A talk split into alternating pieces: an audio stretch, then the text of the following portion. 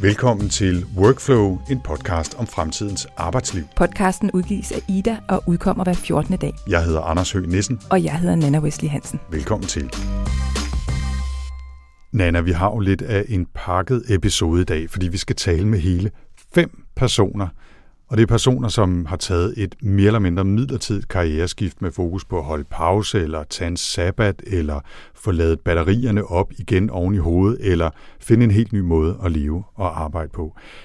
Jeg har ikke rigtig kunne finde nogen benhård statistik på, om den der idé med at tage en karrierepause er en udbredt idé. Men jeg synes i hvert fald selv, at jeg har oplevet, at der er flere og flere i mit netværk, som tager en måned eller to, eller måske et helt år fri fra karrieren. Og man skal altså heller ikke åbne særlig mange nyhedsbrowser-sider, før man falder over artikler med overskrifter som marketing-topchef sætter karrieren på pause for at rejse med familien, og den slags. af det her tilfælde kan jeg sige, var det Niels Bjørn Thorn fra Ørsted, som lige har taget afsted på syv måneders rejse med sin kone og tre børn. Så der er nogen, der holder fri, der er nogen, der tager ud at rejse, eller tager på højskole, og nogen holder, tager på kurser, og så er der nogen, der bliver så glade for at arbejde, mens de rejser, at de kaster sig ud i en tilværelse som digitale nomader. Og i dag, der skal vi altså møde nogen, som kommer rundt i det meste af det her spektrum, når vi, øh, når vi taler med vores gæster. Men før vi kommer til dem, Nana, har du nogensinde holdt længere sådan karriereskift eller pauser, taget sabbat, øh, lavet noget andet i løbet af dit, din uddannelse og, og arbejdsliv? Øh, nej. det, har det var det korte svar på det spørgsmål. Det er det korte svar. Altså, jeg har været på øh, studeret i udlandet som en del af min uddannelse, og jeg har været i praktik som en del af min uddannelse. Så jeg har haft sådan nogle sene skift, øh, som har været vigtige, men det har jo ikke været pauser. Mm. Og når du så har taget skifte fra uddannelse til job og mellem job og der, hvor du er nu, har, du, har det så været sådan, luk computeren ned om fredagen, og så starte på det andet sted mandagen cirka? Nej, det har det faktisk ikke. Og jeg har også i en periode, men det var nu ikke nødvendigvis frivilligt, altså haft nogle, altså hvor jeg, hvor jeg havde forskellige jobs, undervisningsjobs og så videre, inden jeg fik et fuldt fast ja. arbejde. Men stadigvæk med fokus på karrieren, kan man sige. Ja. ja. Og jeg synes faktisk overhovedet ikke, det var en pause. det kan være, du er parat til at tage Det var lige det modsatte. Det er godt, det er godt der er en juleferie sådan inden, inden for yeah. overskuelig tid. Yeah. Ja. Øhm, ikke for at grave i egen navle, men, men jeg er en af dem, der er ligesom stort set alle andre i min generation tog en lille pause efter gymnasiet, og jeg rejste jorden rundt et halvt år. Og det var jo virkelig sådan noget, find sig selv, og jeg endte med at komme hjem og vælge en helt anden uddannelse, end den jeg troede, jeg skulle være startet på, da jeg tog ud og rejse. Ikke? Så der skete virkelig noget på den tur. Altså, jeg har jo været på barsel nu, jeg tænker efter. Det er vel også en slags pause. Se. Ja, det, det synes jeg da, det men, er. Men det er jo ikke, fordi man ikke laver noget, når man er på barsel. Tværtimod. Ah, øhm, og når jeg, og mens vi snakker om den slags, så jeg arbejdede jo i DR i nogle år. Og Dansk Journalistforbund, som jeg er medlem af, har en total fantastisk overenskomst med DR, hvor man hver 6. år, der får man 8 ugers betalt sabbat fri, ovenikøbet med mulighed for at søge lidt ekstra penge, hvis man vil på et kursus eller noget efteruddannelse eller et eller andet, mens man holder sabbat. Og det fik jeg glæde af to gange, mens jeg var der. Den ene gang var jeg i London på noget sprogkursus, og i den første øh, sabbat der, der satte jeg mig og skrev en bog, og havde lidt ekstra tid til at sidde og arbejde på det. Ikke? Mm. Så det har jo været total luksus, og ikke sådan decideret karriereskift, pause, et eller andet, men dog lang tid fri til at følge lidt efter i maven og få nogle nye rutiner og måske lære noget nyt. Ikke? Ja. Så, så det, det, er, det har ikke været så tosset. det er en af de ting, jeg savner i det er virkelig for alvor. Ikke? Det er den der jo. ordning. Ja. Men jeg synes, der er noget interessant, altså vi, de personer, vi skal snakke med i dag, at de alle sammen ligesom har haft en, øh, en intention med at holde en pause. Mm øh, eller at lave noget, lave arbejde på en anden måde. Lige præcis. Så lad os høre fra øh, den første af vores mange medvirkende i den her episode. Det er Kim Johannesen, der er design manager i et firma, der hedder Workday, hvor han blandt andet arbejder med digital design af tilgængelighed. Han bor på Frederiksberg med sin kæreste og to sønner, og han fortæller her om, hvordan han for nylig tog fri fra sin karriere i fem måneder. Den korte indflyvning er, at jeg havde mit eget lille øh, webbureau i mangel af et bedre ord indtil sommeren 2021, og der lukkede vi det per 30. juni, og så holdt jeg pause i fem måneder, hvor jeg ikke rørte en finger. Og hvad var det, der førte til, at øh, du og I tog den beslutning? Jamen, øh, vi lukkede webbureauet, fordi at vi var kommet dertil, hvor vi det ikke førte nogen vegne. Det var en sund forretning. Vi havde nogle gode kunder, men vi rykkede os ikke, hverken personligt eller fagligt. Øh, så jeg og den anden partner besluttede os for, at det var bedre at lukke det, i stedet for at gå døde. Når du siger, at du ikke følte, at du rykkede dig personligt, hvad var det for nogle overvejelser, der lå i den del af det? Jamen, det var øh, meget, at, øh, og jeg ved ikke, om det er sådan for alle, men sådan er det for mig, at jeg identificerede mig utrolig meget i form af mit arbejde. Jeg var Kim fra Shift, som firmaet hed. Mm. Øhm, og det ved jeg ikke, om jeg var i andres hoved, men det var mit eget hoved. Jeg var altid Kim fra Shift. Øh, og jeg kunne godt tænke mig bare at være Kim, og så kunne folk forbinde mig med det, de gerne ville. Øh, så det var også nødvendigt at lukke ned for den del. Da I lukkede Shift, og du så skulle ud og tage en pause, eller holde en sabbat, hvad vi nu øh, kalder det. Ja, i virkeligheden vil jeg gerne spørge, hvad, hvad tænkte du på den her periode som? Jeg tænkte på det som at holde fri. Mm. Det var egentlig det. Der var ikke noget større i det end det. Og hvad var dine planer for den der holden fri? Min plan var, at jeg i hvert fald ikke skulle lave noget i tre måneder. Øhm, og det var sådan set den eneste plan, jeg havde. Øhm, I forhold til, hvad jeg ikke skulle lave. Så havde jeg i lang tid gået i mit hoved og tænkt, at så kunne jeg godt tænke mig at være lidt mere fysisk aktiv. Træne noget mere, end jeg gjorde tidligere. Øhm, jeg har gået det samme sted i mange år, øh, hvor jeg har gået hver fredag. Og det kunne jeg godt tænke mig at gøre tre gange om ugen. øh, og det gjorde jeg så i den periode. Jeg tog nok lidt flere afleveringer og hentninger af min yngste søn, som stadigvæk øh, har behov for det. Øh, hvilket skal være fair at sige, det har min kæreste tidligere haft overvægten af, så hun var også glad for, at, øh, at nu havde jeg tiden til det. Øh, jeg gik lange ture, jeg hørte podcast, jeg læste bøger. Jeg fik ikke bygget min Lego 1000-årsfalk, som stadigvæk står i min kælder i en uåbnet æske, og som jeg ville ønske, jeg havde haft tid til at samle, men det, det fandt jeg ikke tid til, selvom jeg havde masser af tid. Jeg, måske for, måske øh, forskyndede jeg situationen en lille smule, men jeg synes faktisk heller ikke, at jeg blev fanget i sådan et øh, Netflix HBO, hvor jeg havde en masse ting, jeg skulle se. Øh, det synes jeg faktisk ikke. Jeg, jeg brugte denne tiden på at tage mig tid til, at, at jeg fik lov til at kede mig, som jeg tror er rigtig sundt. At man ikke hele tiden bliver stimuleret. Men øh, jeg havde ikke jeg havde ikke sat nogen faste planer for, hvad jeg skulle lave. Hvad med, hvad med fagligt? Lavede du overhovedet noget fagligt i den periode? Nej, det gjorde jeg ikke. Jeg var nok inde i en periode, hvor jeg gik fra at bruge min laptop rigtig meget, til at jeg lige pludselig blev telefonbruger. Og jeg tror, jeg havde min laptop åben mindre end 10 gange i de øh, første tre måneder i hvert fald.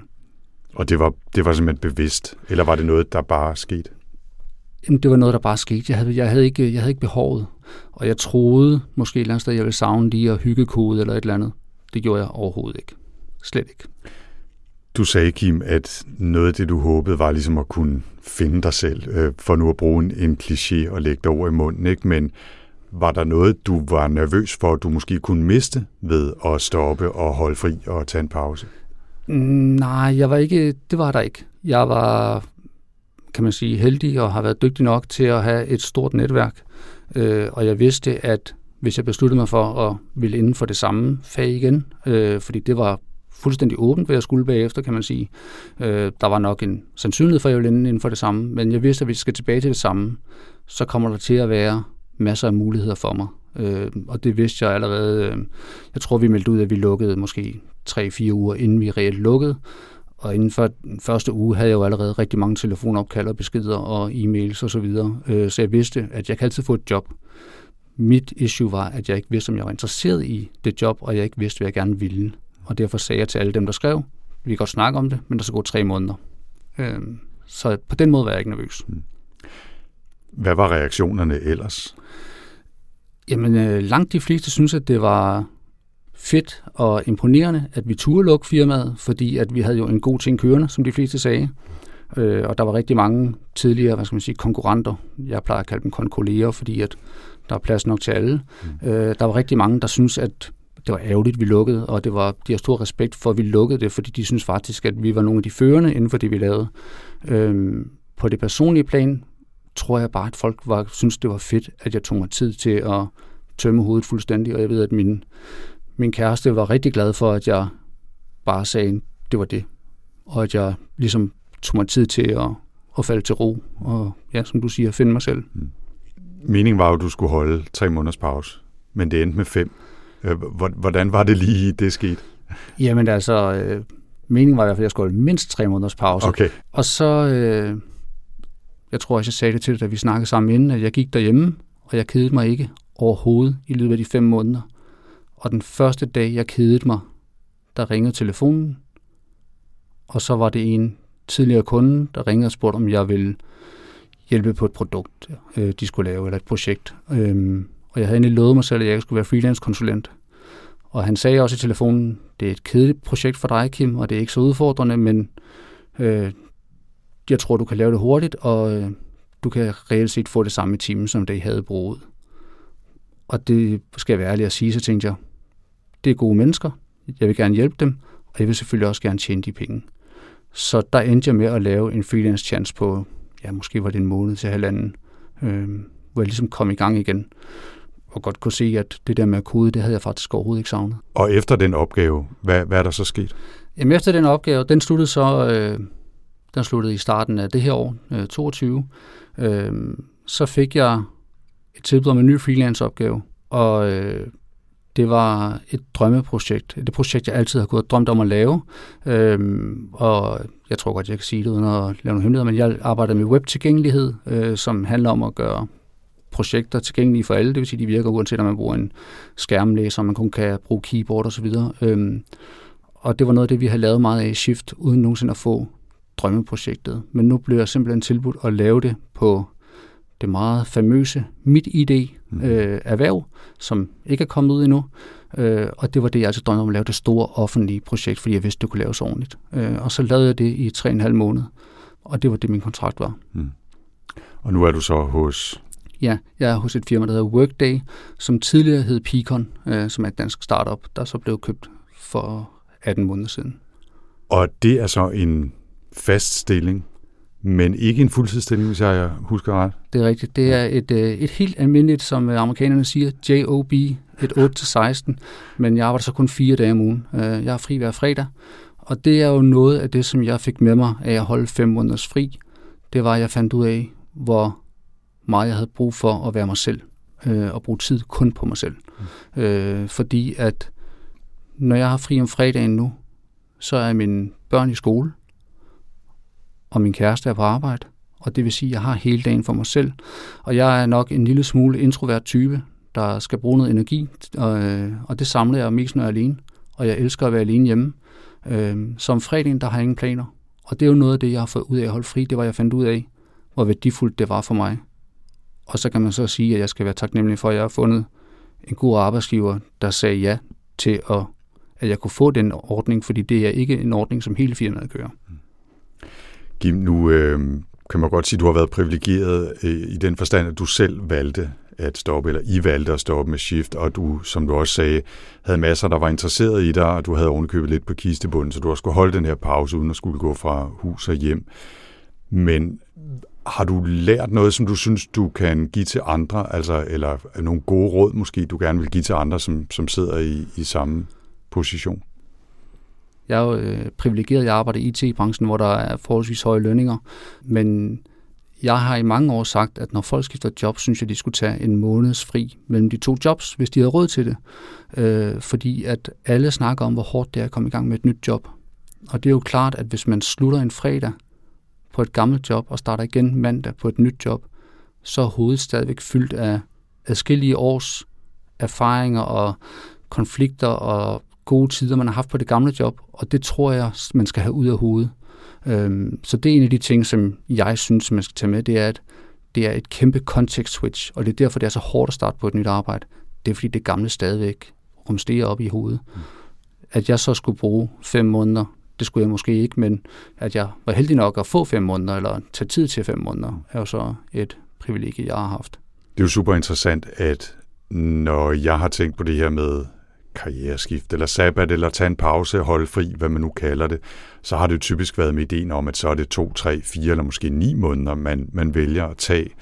Men det du siger, uden at vil lægge det over i munden, det er jo også, man kan godt tænke på det i mindre målestok. Altså tage det som en et måneds fri mellem opgaver, for eksempel, når der alligevel er en naturlig pause, og så samle energi og, og så videre. Ja, jeg tror ikke, at der, der er jo ikke nogen fast formular på det, øh, og måske er det jo i virkeligheden det, jeg gør hver fredag, mm. at jeg får en lang weekend til at tømme mig selv for ugen, som så kun er mandag til torsdag. Øh, måske er det det, der gør, at jeg har energi til at starte igen mandag. Ja. Øh, fordi at om man gør det i små intervaller, om man gør det en lang gang, det, det er jeg ikke sikker på er så vigtigt. Øh, og jeg skal sige, at havde vi en tilsvarende ordning i Shift, det havde vi ikke, men vi havde, og det er jo også lidt øh, usædvanligt for et webbureau, men vi lavede aldrig kundearbejde om fredagen. Vi havde sagt, fredag, der er vi på kontoret, og der sparer vi og snakker om ugen, der er gået, men vi sælger ikke nogen timer. Det var en lidt dyr løsning for et webbureau, fordi det er 20% af omsætningen, der ryger, men vi kunne mærke, hvad det gav os socialt og energimæssigt, at jeg så nu er lige gået skridtet videre og holde helt fri om fredagen, i forhold til kun at holde, hvad skal man sige, kundefri. Det, øh, det kan jeg bare mærke, hvad det giver mig. Øh, men jeg tror, jeg tror, det giver noget for folk at, at få tømt hovedet. Ja, det fortalte altså her Kim Johannesen, som valgte at tage helt fri i fem måneder. Som man siger, så havde han det store privilegie at være økonomisk rustet til at tage sådan en pause, og i øvrigt arbejde med IT og design, som mildest talt er efterspurgte kompetencer i disse år. Så selvom han i virkeligheden drømte lidt om at blive møbelsnedker, så kunne Kim med nogenlunde sindsro sætte karrieren på hold og være relativt sikker på, at han nok skulle finde et nyt arbejde, hvis han besluttede at vende tilbage. Og det gjorde han jo, om end kun i fire dage om ugen. En anden måde at tage en pause på, det er ved at rejse ud i verden, og måske også arbejde lidt undervejs for at få økonomien til at hænge sammen. Og det er sådan, vores næste gæster har valgt at gøre det.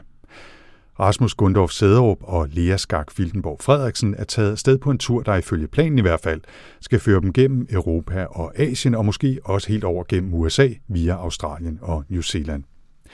Lea har taget helt fri for at kunne bruge tid på at tænke over sin fremtidige karriere, mens Rasmus arbejder remote et par dage om ugen i det firma, hvor han også var ansat, inden de tog afsted. Jeg hedder Lea. Jeg øh, er 28 år, og så har jeg arbejdet på Københavns Universitet i lidt over to og et halvt år, og nu har jeg faktisk sagt op, så nu øh, står jeg uden arbejde og er pt. på sabbatical, tror jeg man vil kalde det, og bare øh, nyder det. Og Rasmus? Øhm, jeg hedder Rasmus, er 28 øh, år fra Aalborg, og øh, var i 2018 færdiguddannet som elektronikingeniør med speciale i signalbehandling, og øh, har så siden da haft det, to forskellige jobs, og arbejder nu øh, på deltid og rejser jorden rundt sammen med Lea.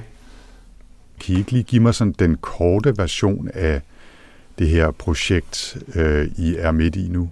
Så lige nu så rejser vi øh, jorden rundt. Øh, vi har brugt en måneds tid på at tage på Interrail øh, igennem Europa, og er nu nået til, øh, til Beograd i Serbien. Så øh, det er lidt vores projekt. Ja, og øh, vi øh, skal fortsætte videre her fra Europa om en halvanden uges tid, to ugers tid, og så er det mere øst på.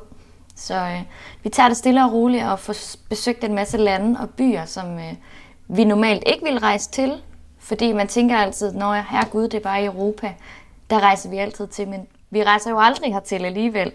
Så, øh, så det er også lidt vores mission at prøve at rejse til de steder, vi altid siger, vi vil rejse til. Hvad er målet med, med det her, altså sådan rent tidsmæssigt? Øh, hvornår skal det slutte, hvis det skal slutte overhovedet? det er også et godt spørgsmål. Vi har snakket om, at vi har et øh, bryllup, vi skal til i juni måned næste år, så vi er egentlig klar på at rejse ind til det. Ja, jeg skal være forlov for en, øh, en kammerat i øh, juni måned, så øh, det er ligesom deadline for, hvornår vi øh, skal være tilbage igen. Så øh, der har vi også sådan en god 8-9 måneders øh, rejse indtil da. Hvad fik jeg til at træffe den her beslutning om at tage det, som jeg nu vælger at kalde en, en halv pause, en halv sabbat eller en halv karriereforandring? Hvad, hvad fik jeg til at, at tage den her beslutning? Altså for mit vedkommende handlede det om, at jeg øh, arbejdede øh, nede ved CERN i Genève, og øh, det var sådan lidt en, en drøm at arbejde der, når man har min, øh, min baggrund. Øhm, desværre var det jo så lige under corona, jeg arbejdede der. Så jeg blev ret sådan ensom og nærmest sådan lidt deprimeret af at være dernede, fordi at man kunne ikke se nogen nogle mennesker, øhm, og øh, sad bare derhjemme alene. Og så lærte jeg ligesom også, at der ikke rigtig for mig var nogen sammenhæng mellem, hvor mange penge jeg tjente, og hvor glad jeg egentlig var. Så det fik mig ligesom til at genoverveje det her med at arbejde på fuld tid, og var det noget, jeg ville, og hvad er det egentlig, jeg synes er sjovt, og hvad er vigtigt for mig her i livet. Og øh, så gik det op for mig, at jeg har jo egentlig aldrig nogensinde holdt et sabbatår. Øh, jeg havde lyst til at læse videre øh, undervejs, og så synes jeg bare, det gav mening nu at tage ud og rejse og opleve verden. inden at øh, der er øh, jobs og karriere og familie og økonomi, der, der sætter en stopper for det. Hvad var det, der fik dig til at... Jeg ved ikke, hvem der, hvor den idé startede hen, om det var en, der opstod i fællesskab, men, men, øh, men Lia, hvilke tanker gjorde du der om, om det her med at holde en pause på den måde? På det personlige plan kunne jeg bare mærke, at efter jeg har arbejdet to og et halvt år med, med vaccineforskning og vejledt og undervist øh, de øh, farmacistuderende på Københavns Universitet, at jeg var egentlig bare kommet lidt i sådan et hamsterhjul, hvor jeg synes, jeg træt, altså, trådte vande, og jeg ikke rigtig synes, jeg kom nogen steder, og jeg kunne mærke, at jeg havde egentlig lært det, jeg gerne ville der, og nu havde jeg bare brug for forandring. Og ligesom Rasmus har jeg heller aldrig taget et sabbatår. Jeg har kørt på, siden øh, jeg startede i, i 0. klasse, og så egentlig aldrig holdt en pause, og så tænkte jeg, ved du hvad, det er simpelthen ved at være nu. Og det endte jeg egentlig også med at tænke, at det må også være okay, at jeg tager en pause øh, fra mit arbejde. Øhm, det er ikke et arbejde, jeg skal tilbage og have. Jeg har sagt det helt op, så øh, jeg går uden arbejde lige nu. Øhm, men jeg havde i hvert fald bare behov for en eller anden pause og brug for at komme ud af hamsterhjulet, der bare kørte derhjemme. Lea, nu siger du, at øh, du er sag op og, og er helt uden arbejde nu, og bare i gåsøjne kan mm-hmm. turen. Rasmus, du har jo øh, snydt lidt og taget lidt arbejde med hjemmefra. Kan du ikke lige øh, fortælle, hvordan det er, det hænger sammen? Øhm, jo, så jeg har valgt at øh, tage et, øh, et deltidsjob øh, som øh, data scientist, øh, og øh, det er i, i sådan en, en medtech startup i København. Og det har jeg jo selvfølgelig gjort for at dække med mine leveomkostninger, øh, og selvfølgelig også til turen her, men også fordi jeg bare synes, det er sjovere at lave noget, som er fagligt relevant og skaber noget værdi, i stedet for bare at sidde på dagpenge og sende øh, ansøgninger ud. Så, øh, så synes jeg, det her er en fed måde at, øh, at gøre det på. Og også for at skabe lidt hverdag og rutine i vores rejse. Øh, det her med at, at have en, en kontordag, hvor der ikke lige sker så meget, fordi man sidder foran en computer, kan faktisk være rigtig rart, øh, fordi det her med at være ude og opleve noget hver eneste dag, det, det tænker jeg godt kan blive lidt hårdt i længden. Så hvordan gør du det rent praktisk? Altså har du øh, en eller to faste dage om ugen, eller er det sådan lidt timer rundt omkring, alt efter hvordan rejsen forløber? Ja, jeg prøver at, at lægge det sådan lidt i starten af ugen, øh, men selvfølgelig også, at så hvis der er et, øh, et møde om onsdagen eller en anden dag, så lægger jeg selvfølgelig arbejdet der. Så det er sådan heldigvis ret fleksibelt. Øh, det, det er de meget åbne over for. Lia, du har så sagt dit arbejde op og, og tager det her som en pause, hvor du i en eller anden grad, kan man sige, skal finde dig selv og finde ud af, hvad du måske har lyst til at, at vende tilbage til. Det kan vi lige tage øh, om lidt, men i forhold til det med, at Rasmus så trods alt arbejder, og du ikke gør det, betyder det noget for, for den balance, der er, eller det, I får ud af den her oplevelse? Nej, tværtimod vil jeg sige, fordi når Rasmus så skal indlægge arbejdsdage, så er det der, hvor jeg egentlig på en eller anden måde også har lidt frirum til, at jeg kan undersøge en masse ting, jeg synes er spændende. Øh, jeg kan få startet op på nogle nye hobbyer, jeg kan få vedligeholdt mine gamle hobbyer. Øhm, og som regel, når Rasmus arbejder, så er det mig, der er ved at undersøge, hvor skal vi hen næste gang? Hvad er ved at se? Hvor skal vi bo? Øhm, hvordan frem og tilbage? Så på en eller anden måde, så synes jeg, at det er rigtig rart, at Rasmus skal arbejde, for det danner bare et grundlag for, at vi har en normal hverdag, mens vi er afsted. Og det var også det, vi gerne ville. Så jeg synes faktisk nærmest, at de dage, du arbejder, der er sådan mere ro på. Fordi der skal vi være hjemme, der har vi en kontordag. Og så er det, så det er op til mig, hvad jeg vil lave på min kontordag. Men, men det er ligesom fastsat, at de dage skal vi ikke ud og se en masse ting. Jeg synes faktisk, det fungerer rigtig godt. Så man kunne også godt forestille sig, øh, og, og det er jo ren spekulation fra min side, men nemlig det der med, at hvis I i gåsøjne bare holdt ferie og rejste og oplevede, og når der var nededage, så var det måske mere noget med at sidde og stene, stene video eller læse bøger, eller øh, bare kigge ud i luften. Altså, det, det kunne gøre, at I så pludselig risikerede til juni næste år at stå og ikke føle, at I havde brugt tiden til at tænke over, hvad det var, I gerne ville i fremtiden. Så på den måde det er det jo faktisk meget fint, at I har fået naturligt indlagt nogle arbejdsdage eller tænkedage i, i turen. Mm-hmm. Jeg tror i hvert fald, man nok ikke helt skal forvente, at, øh, at sådan den der inspiration og livsformål, det sådan lige pludselig kommer øh, som sendt fra himlen en eller anden tilfældig dag, og så man tænker, gud, det er det her, jeg skal med mit liv. Det, det er nok noget, der kræver noget arbejde og, og tænkning og, og research. Og så. så bare et skridt ad gangen. Altså tage en handling per dag nærmest, og så er der fremgang i det, du laver? Nu er der så øh, i talende stund jo et, et halvt års tid, plus minus, øh, til I formodentlig vender tilbage til Danmark. Hvilke tanker gør I om, hvad I skal lave, når I kommer tilbage? Jamen for mig så håber jeg, at jeg er kommet en, en lille smule nærmere, hvad jeg kunne tænke mig at lave. Øhm, om det så er forskning igen, om det så er noget undervisning igen, eller om det er noget helt tredje, det, det ved jeg ikke helt endnu. Øhm, men det er også det, den her rejse skal være med til, forhåbentlig at sådan, give mig et klart syn på, hvad jeg gerne vil. Øhm, så er jeg helt klart også kommet frem til, at at hvis det er et problem for en virksomhed, at jeg har været afsted i den her tid, jamen så er jeg ikke sikker på, at det er en virksomhed, jeg overhovedet skal arbejde for. Fordi så deler vi ikke de samme værdier. Så jeg tænker også, at jeg bliver mere klar over mine egne værdier, og jeg får nok også bygget nogle nye værdier undervejs. Og Rasmus? Jeg vil sige, i forhold til når jeg kommer tilbage, så er jeg allerede nu ved at vide, og det vidste jeg også godt inden da, at det her med at have nogle, nogle kolleger og, og nogen at, at mødes med på en arbejdsplads, er da helt klart noget, der er rigtig vigtigt for mig. Så det er da helt klart noget, jeg, jeg tænker ind i sådan mit, min fremtid. Øh, så går jeg og arbejder på noget startup med, med en kammerat lige nu, bare sådan på lidt hobbyplan, men tænker det bestemt også, at det kunne være noget, der kunne være sjovt at, at arbejde videre med, og forhåbentlig se, om det bliver til noget. Så jeg synes, der er rigtig mange idéer derude. Øhm, jeg synes også sådan noget med at, at snakke om hvad kan man sige, videnskab og teknologi, og på en eller anden måde lave noget outreach er også rigtig spændende, så der er virkelig mange muligheder. Så det er jo også det der med at prøve at arbejde lidt på de forskellige, og så se, hvad det er, der er sjovt. Det er noget af det, der også er fedt ved at have tid til at gøre det her i, i løbet af vores sabbat. Har I her til sidst eventuelt øh, et par gode råd til andre, der måtte stå i cirka samme situation, altså have lyst til at holde en pause, eller tage en sabbat, eller i hvert fald rejse med nedsat arbejdstid. Er, er der nogle erfaringer, I allerede har gjort jer, som I kan give videre måske? Altså mit indtryk er, at de fleste virksomheder egentlig gerne vil holde på deres medarbejdere, og de måske så egentlig er villige til at give et par måneder sabbat fra arbejde, hvis det er vigtigt for medarbejderen. Øhm, så jeg tænker, at det måske ikke nødvendigvis er så udfordrende, som mange tror, det er. Og så tænker jeg også, at man skal måske overveje, om hvis man er meget i tvivl, om man vil gøre det, og tænker på ens arbejdsgiver, om, om man husker at vægte sig selv højere end sin arbejdsgiver, eller om man ser problemer, der måske egentlig ikke eksisterer. Øh, at hvis man har børn, jamen, kan, dem kan man jo måske godt tage med ud og rejse. Man kan fremleje sit hus. Øh, ens venner skal jo nok blive ved med at se en osv. Så, videre. så jeg tænker, at mange af de problemer, man ser, er måske egentlig bare en form for frygt for at tage springet. Der tror jeg i hvert fald, man er nødt til lige at være lidt ærlig over for sig selv.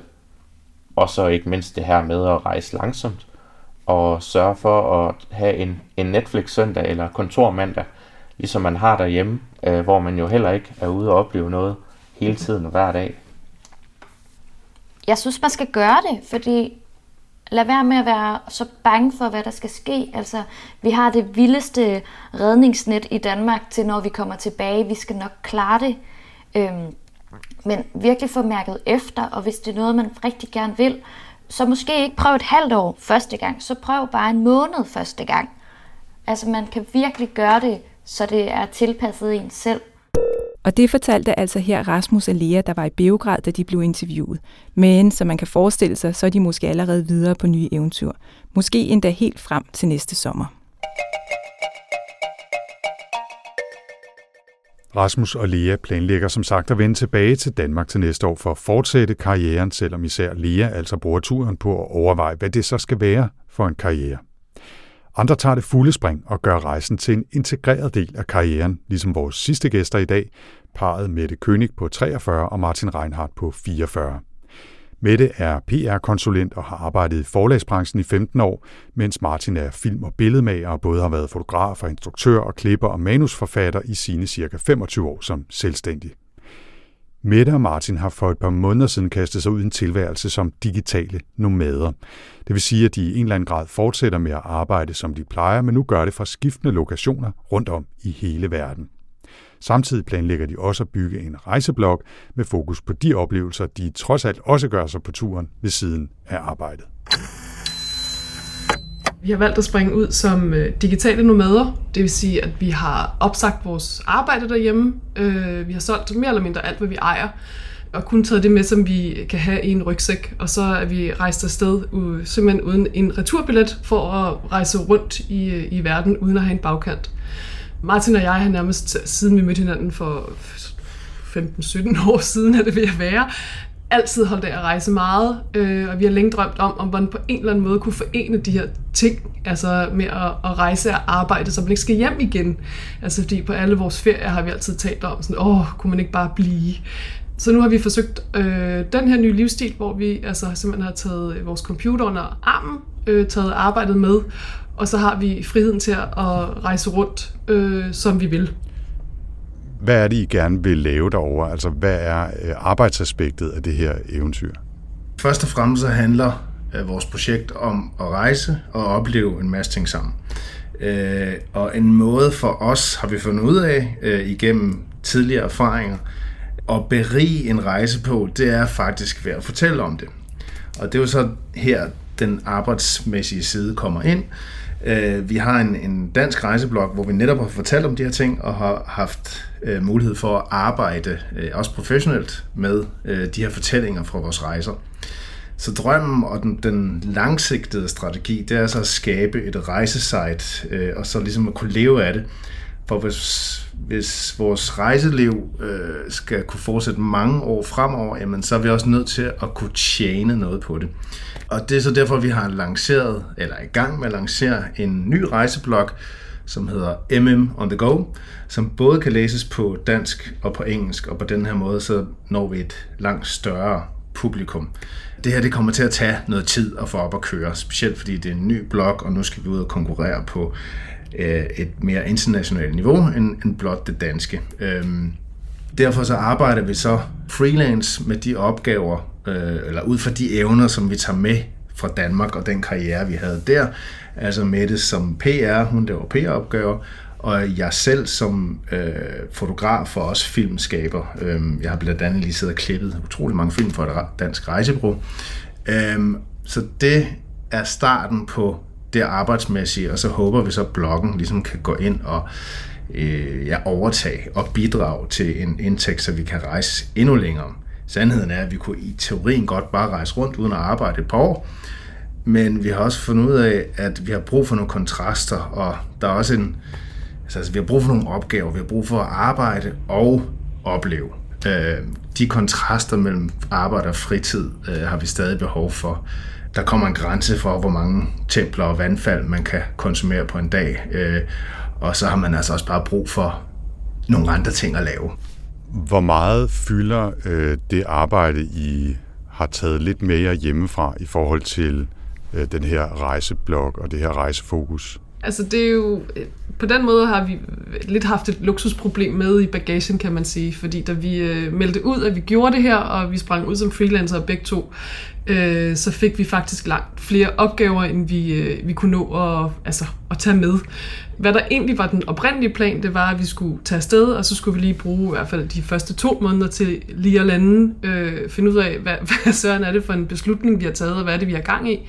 Øh, men det har vi simpelthen ikke kunne nå, øh, fordi vi har haft så mange gode freelance-opgaver med, som vi synes var så spændende, at vi havde lyst til at starte med det. Ja, altså også bare ud for tanken om, at, at hvis, man, hvis man gerne vil arbejde øh, selvstændig eller være freelancer, øh, som jeg har gjort i rigtig mange år, så arbejder man, når der er arbejde, og så laver man noget andet, når der ikke er arbejde. Og det er ikke altid, der er arbejde. Sådan, sådan er branchen. Det er lidt ligesom surferne. Når der, når der er flat, så arbejder vi, og når der er bølger, så surfer vi. Øh, og det, det, det er sådan, man er nødt til at gøre, når man er, når man er freelance.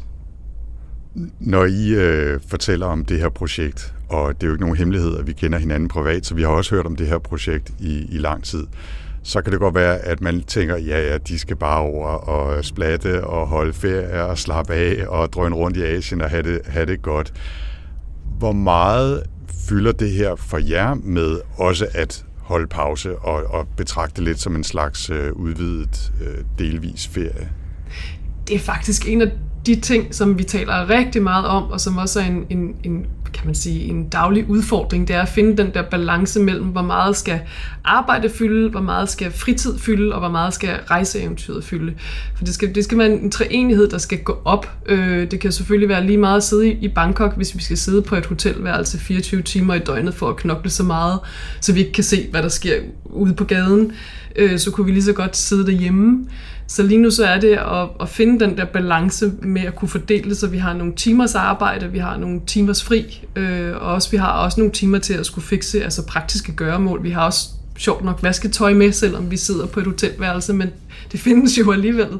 Øh, og det, der, hvor vi rigtig gerne vil hen med det her nye liv, som vi er, er ved at etablere, det er også at få skruet lidt ned for det arbejdstempo, vi kom øh, med derhjemmefra. Altså vi vil gerne altså, have et lidt mindre stressende arbejdsliv, skrue lidt ned for travlheden, og så have lidt mere fritid. Jeg tror, drømmen det er at, at på en eller anden måde at kunne leve det der lidt simplere liv i et langsommere tempo. Mm. Nu har I så taget nogle opgaver med hjemmefra, udover at I er i gang med at opbygge den her rejseblok, men inden I tog afsted, hvad for nogle overvejelser gjorde jeg i forhold til det der med, at når man forsvinder vi nu ud af af folks opmærksomhed, og er vi bare dem, der, der rejser rundt og, og passer os selv? Altså, var I nervøse for, om I vil også kunne på sigt leve af, det her, da I kastede jer ud i det? Altså, hvad for nogle overvejelser gjorde I om det her at lave så radikalt et skifte i karrieren? Det, det er sådan det store spørgsmål, som vi har i, fået mange gange i sådan lidt forskellige varianter. Ja.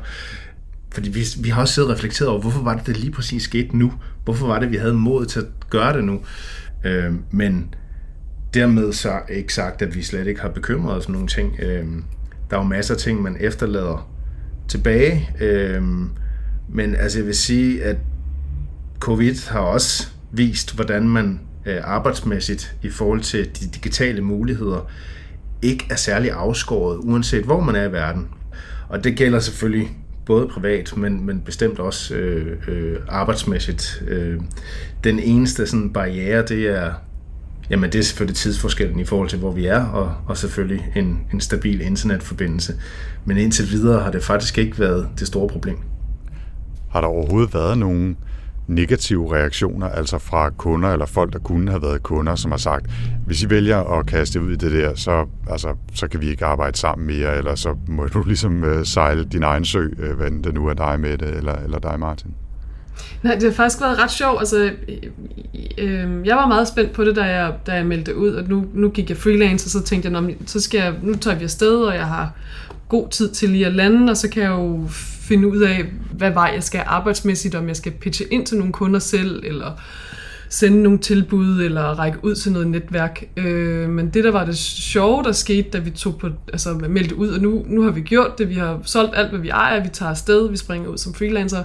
Øh, samme dag fik jeg flere mails, hvor folk var sådan lidt, det lyder delt med spændende, øh, hvad, hvad, hvad kan du, hvornår kan du, og, og kan vi nå at tale sammen, inden du tager afsted. Øh, så på den måde, så fik jeg altså langt flere opgaver, end jeg overhovedet havde forestillet mig bare på at skrive et øh, Facebook-opslag og et opslag på LinkedIn, hvor jeg skrev, nu, nu er det det her, jeg gør, og butikken er åben. og, og, og så var butikken hurtigt lagt ned. Øh, så det, det var virkelig et privilegium, så det, så det virker som om, at kunderne er på ingen måde angste for at samarbejde med nogen, der sidder i en forskudt tidszone. Øh, og jeg må sige, lige præcis det med tidszonen, det har for mig og for det arbejde, jeg laver, for jeg sidder netop og arbejder med pressen og med medierne og har daglig kontakt med journalister, jeg var utrolig spændt på, hvad det ville gøre med den tidsforskel. Hernede er vi, lige nu er vi 6 timer foran, men det har faktisk vist sig i forhold til mit workflow at være en kæmpe fordel. Øh, fordi førhen, da jeg har siddet på et forlag og arbejdet i en presseafdeling, så går dagen utrolig stærkt. Der er så mange ad hoc opgaver, telefonen bimler, bamler, der kommer mails ind hele tiden, der er mange forstyrrelser. Men her der har jeg ligesom fået ro til hver morgen, der kan jeg sidde og arbejde meget koncentreret og dedikeret med mine arbejdsopgaver. Jeg kan skrive tekster, jeg kan skrive pitch, jeg kan forberede øh, mit arbejde. Det bruger jeg et par timer på om formiddagen og kan sidde ro og fred. Og så om eftermiddagen, når journalisterne og mine kunder begynder at møde ind på arbejde, så er jeg sådan klar til at tage fat, og så kan jeg få skudt det hele sted. øh, og så får jeg sat dem i gang, og så kan vi fortsætte igen næste morgen. Så mit arbejde, mit, sådan, mit, mit workflow, mit arbejde, vil jeg næsten, altså, det er jo, det er, tidligt at altså, våge pelsen og sige det, men jeg synes faktisk aldrig, det har fungeret bedre. Øh, jeg har aldrig været mindre stressende, fordi jeg simpelthen har kunne arbejde på den her måde i så koncentrerede blokke. Øh, det har virkelig været givende for mig. Martin, jeg tænker lidt, at du har nogle anderledes udfordringer potentielt kunne have det i forhold til, at du jo laver en masse video og jo kunne man forestille sig tit skulle arbejde sammen med mennesker, som øh, skal stå foran kameraet eller skal bidrage bag ved kameraet. Har der været nogle øh, udfordringer for dig i forhold til at, at lave den del af dit arbejde?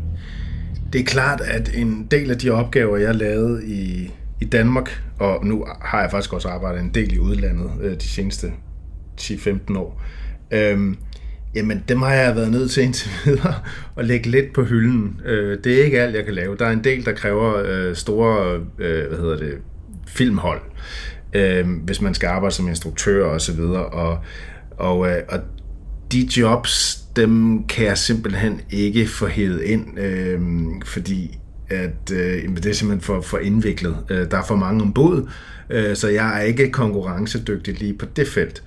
Øh, omvendt, jamen så et af de jobs, jeg lige har lavet, jamen det var et klippejob, hvor jeg faktisk selv har filmet øh, rigtig meget af det og ligger ind med materialet, og det blev ringet ind en halv time før vi tjekker ind i lufthavnen øh, og tager mod Asien.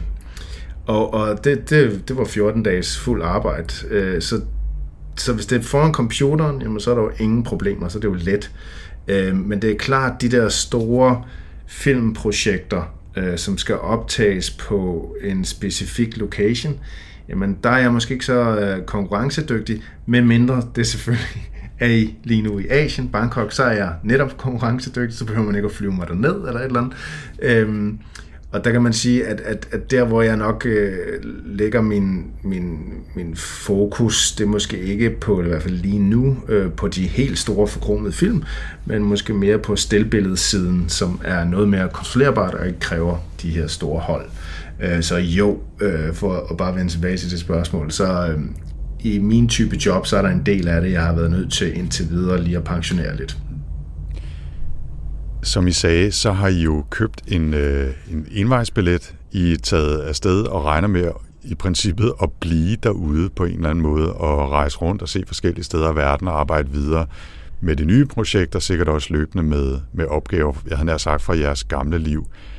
Har I overhovedet gjort jer nogle tanker om, hvad hvis vi en dag skal vende tilbage? Altså fordi projektet ikke lykkes, eller fordi I bare bliver trætte af ikke at have jeres eget hus eller jeres egen lejlighed. Øh, hvad er det for nogle tanker, I gør om, om det her mulige med at vende tilbage? det er jo, altså det, det, man kan frygte lidt, ikke, det er, at man bliver koblet lidt af. Altså, man kan jo godt følge med en masse ting, men ens netværk, det, det, det skal jo nok genopfriskes, når man kommer hjem, hvis man gerne vil fortsætte øh, i omegnen af der, hvor man slap. Øh, og det kan jo godt være lidt skræmmende selvfølgelig. Ikke? Altså, man, man kan jo ikke forvente bare at komme hjem og så bare fortsætte, hvor man slap altså 3-4 år efter. Øh, men omvendt, så dukker der jo også øh, med det, vi laver nu, øh, nye muligheder op, forhåbentlig, og et nyt netværk, øh, som man måske kan tage med sig tilbage, øh, hvis det er det, vi gør. Men det er sjovt, fordi vi har øh, på mange måder, altså... Øh den, den udvikling, man ligesom sætter sig for som ung, at man får en uddannelse, man får et arbejde, man får et godt job, man sparer op, man køber et hus. Øh, alle de ting, som vi ligesom var i gang med, fordi det er det, man gør. Alle de flueben har vi ligesom fjernet igen øh, og, og, og trukket tilbage øh, til faktisk at, at skrue helt ind til benet øh, og kigget på, men hvad er, det, hvad er det egentlig, der gør os glad lige nu, og hvad er det egentlig, der betyder mest for os lige nu. Og der, vi vender altid tilbage til, til det her med at rejse, altså det betyder så meget for os, og for den måde, vi godt kan lide at leve på. Så det har, det har fyldt for meget til at ture eller være med at gøre det. Vi er, nu er vi midt i 40'erne. Øh, Martin og jeg har arbejdet i to gode årtier, og hvis man kigger fremad, så er der alligevel et, et stykke til, øh, til, hvor vi kan trække os tilbage og nyde vores pension, så vi skal alligevel arbejde mange år endnu. Så vi var egentlig ikke så bange for, at hvis vi så river et par år ud og laver noget helt andet, så føles det egentlig ikke så farligt. Altså fordi vi har oparbejdet en god erfaring med mange kompetencer, så det føles ikke så farligt for en tid, øh, måske, måske ikke, det finder vi jo ud af, men at sætte den på pause og lave noget helt andet. Ja. Øh, men altså, jeg tror, at succeskriterie nummer et, det er at leve, leve altså forsøge drømmen. Ja. Øh, og, og, ja. og, det, og det kan så godt betyde, at vi om to måneder, eller om en uge, det tror jeg nu ikke, men om to måneder bare, det er simpelthen for hårdt der, for det er klart, det er lidt hårdt at leve på den her måde. Og vi er jo ikke helt unge, vi, altså vi er jo ikke 25 og kan leve på et bræt og ukogte nødler og sådan noget, vel? Altså det, vi, vi skal have lidt mere komfort, ikke? Så, så hvis vi pludselig bliver træt af det, jamen så må vi jo bare tage hjem. Det er det værste, men så er, så er drømmen prøvet af, og så har vi det ude af systemet, og så kan vi købe et hus hvis det er, det er det, det handler om. Vi kom lidt dertil, hvor at nu havde vi talt om at gøre det her i 15 år. Øhm, og enten så skulle vi holde op med at tale om det, og ellers så skulle vi gøre det. Det, det var også en af de ting, der sådan skubbede til os, øh, og vi kunne også godt se, altså øh, lige om lidt, så, så er vi i 50'erne, og så er man i 60'erne, og så, så, så er man på vej på pension, og så rejser man måske på en anden måde, så er det måske nogle andre eventyr, der venter. Men de eventyr, som vi har snakket om i 15 år, det var som om, de skulle, de skulle udleves nu. Ja, måske skal man bare kaste sig ud i eventyret, mens man kan, i hvert fald hvis det er noget, man har gået og drømt om længe. Mette König og Martin Reinhardt foreslår dog også, at man gør sit bedste for at sætte sig i en situation, hvor man har bare lidt økonomisk buffer, så man ikke går fuldstændig på røven, hvis der er langt mellem opgaverne, og så man måske også har lidt at etablere sig med, hvis man alligevel beslutter at tage tilbage til Danmark igen efter sit nomade-eventyr. Nana, inden vi slutter, så kunne jeg bare godt lige tænke mig at høre to ting. Nu hvor du fortalte, at du ikke sådan rigtig havde haft karriereskift eller holdt pause ud over din øh, barsel. Er du blevet inspireret af vores medvirkende? Ikke fordi du skal sige, at du kaster dig ud i et eller andet crazy projekt, men kunne du tænke dig at gøre det? Jeg syntes, at især øh, Kims historie var nok den, der inspirerede mig mest. Øh, og det var simpelthen, fordi han jo tager en pause, men sådan set bliver derhjemme. Mm. og det er ikke fordi, at jeg ikke har lyst til at rejse, men øh, det der nomadeliv, eller det her med at hoppe fra sted til sted, øh, det er slet ikke øh, noget, som, som jeg kan se mig selv i. Mm. Jeg har øh, en fuldstændig klokkeklar værdi omkring at skabe dybe, langvarige relationer, både i mit job og også i mit privatliv. Mm. Og jeg vil være med til at skabe noget der, hvor jeg er og det skal have en betydning, det jeg laver. Og det kan jeg slet ikke se i, i sådan noget med at, at flytte mig fysisk rundt i rummet. Det gør Så, det i hvert fald sværere, det er helt sikkert. Ja, ja. ja. Men, men jeg synes, det var interessant det her med behovet for at give sin, øh, give sin hjerne en pause og give sig selv et rum til bare at være og identitetsmæssigt være noget andet end en forlængelse af, af sit job. Mm. Altså den kunne jeg virkelig godt, øh, godt genkende at det, det kunne jeg godt have brug for. Jeg tror, jeg tror simpelthen, det er, det er så sundt øh, at skulle øve sig i at være noget andet end en jobidentitet. Mm. Jeg tror også, at Kims historie er jo den, der potentielt set nok er relevant for flest mennesker. Ikke? Altså fordi det er måske de færreste, der kan eller vil, øh, eller har mulighed for at rive teltpælene op og rejse verden rundt i ni måneder, eller for den sags skyld flytte helt til udlandet og, og regne med at skulle rejse rundt resten af livet, eller i hvert fald resten af arbejdslivet. Ikke? Men det der med, at man i gang med skifter job, eller har behov for en, to, tre, måske endda fire, fem måneders pause, det kan mange nok se sig i, og det ligger måske også inden, lidt mere inden for, for mulighedernes rækkevidde. Ikke? Altså at man siger, jeg ved, jeg skal starte på et nyt job om tre måneder, men i stedet for bare at blive ved med at arbejde derhen til, så holder jeg faktisk to måneders fri mm. for at lave noget helt andet. For at få klaret hjernen og lade, lade batterierne op og være noget mere for min familie, end jeg måske plejer at være, og alt det der. Ikke? Det tror jeg er mere realistisk, så det synes jeg egentlig var et, også et godt råd, Kim kom med, øh, da jeg talte med ham, ikke? til at man, at man skulle prøve at se, om det ikke kunne lade sig gøre næste gang, man står i den situation, man skal skifte job på en eller anden måde. Ikke? Ja, og give sig selv lidt tid til at reflektere. Hvad var det lige, jeg kom fra, og hvad er det lige, jeg skal videre til? Og så er der ikke mere i denne workflow. Men vi vender tilbage igen om 14 dage, hvor det skal handle om løn her i en tid, hvor der mildest talt er fokus på, hvad tingene koster. Hvis du vil vide mere om podcasten, kan du besøge vores hjemmeside på ida.dk-workflow. Workflow bliver produceret af Podlab og udgives af IDA, Danmarks fagforening for digitale hoveder, naturvidenskabsfolk og ingeniører. Jeg hedder Anders Høgh Nissen. Og jeg hedder Nana Wesley Hansen. Tak for denne gang.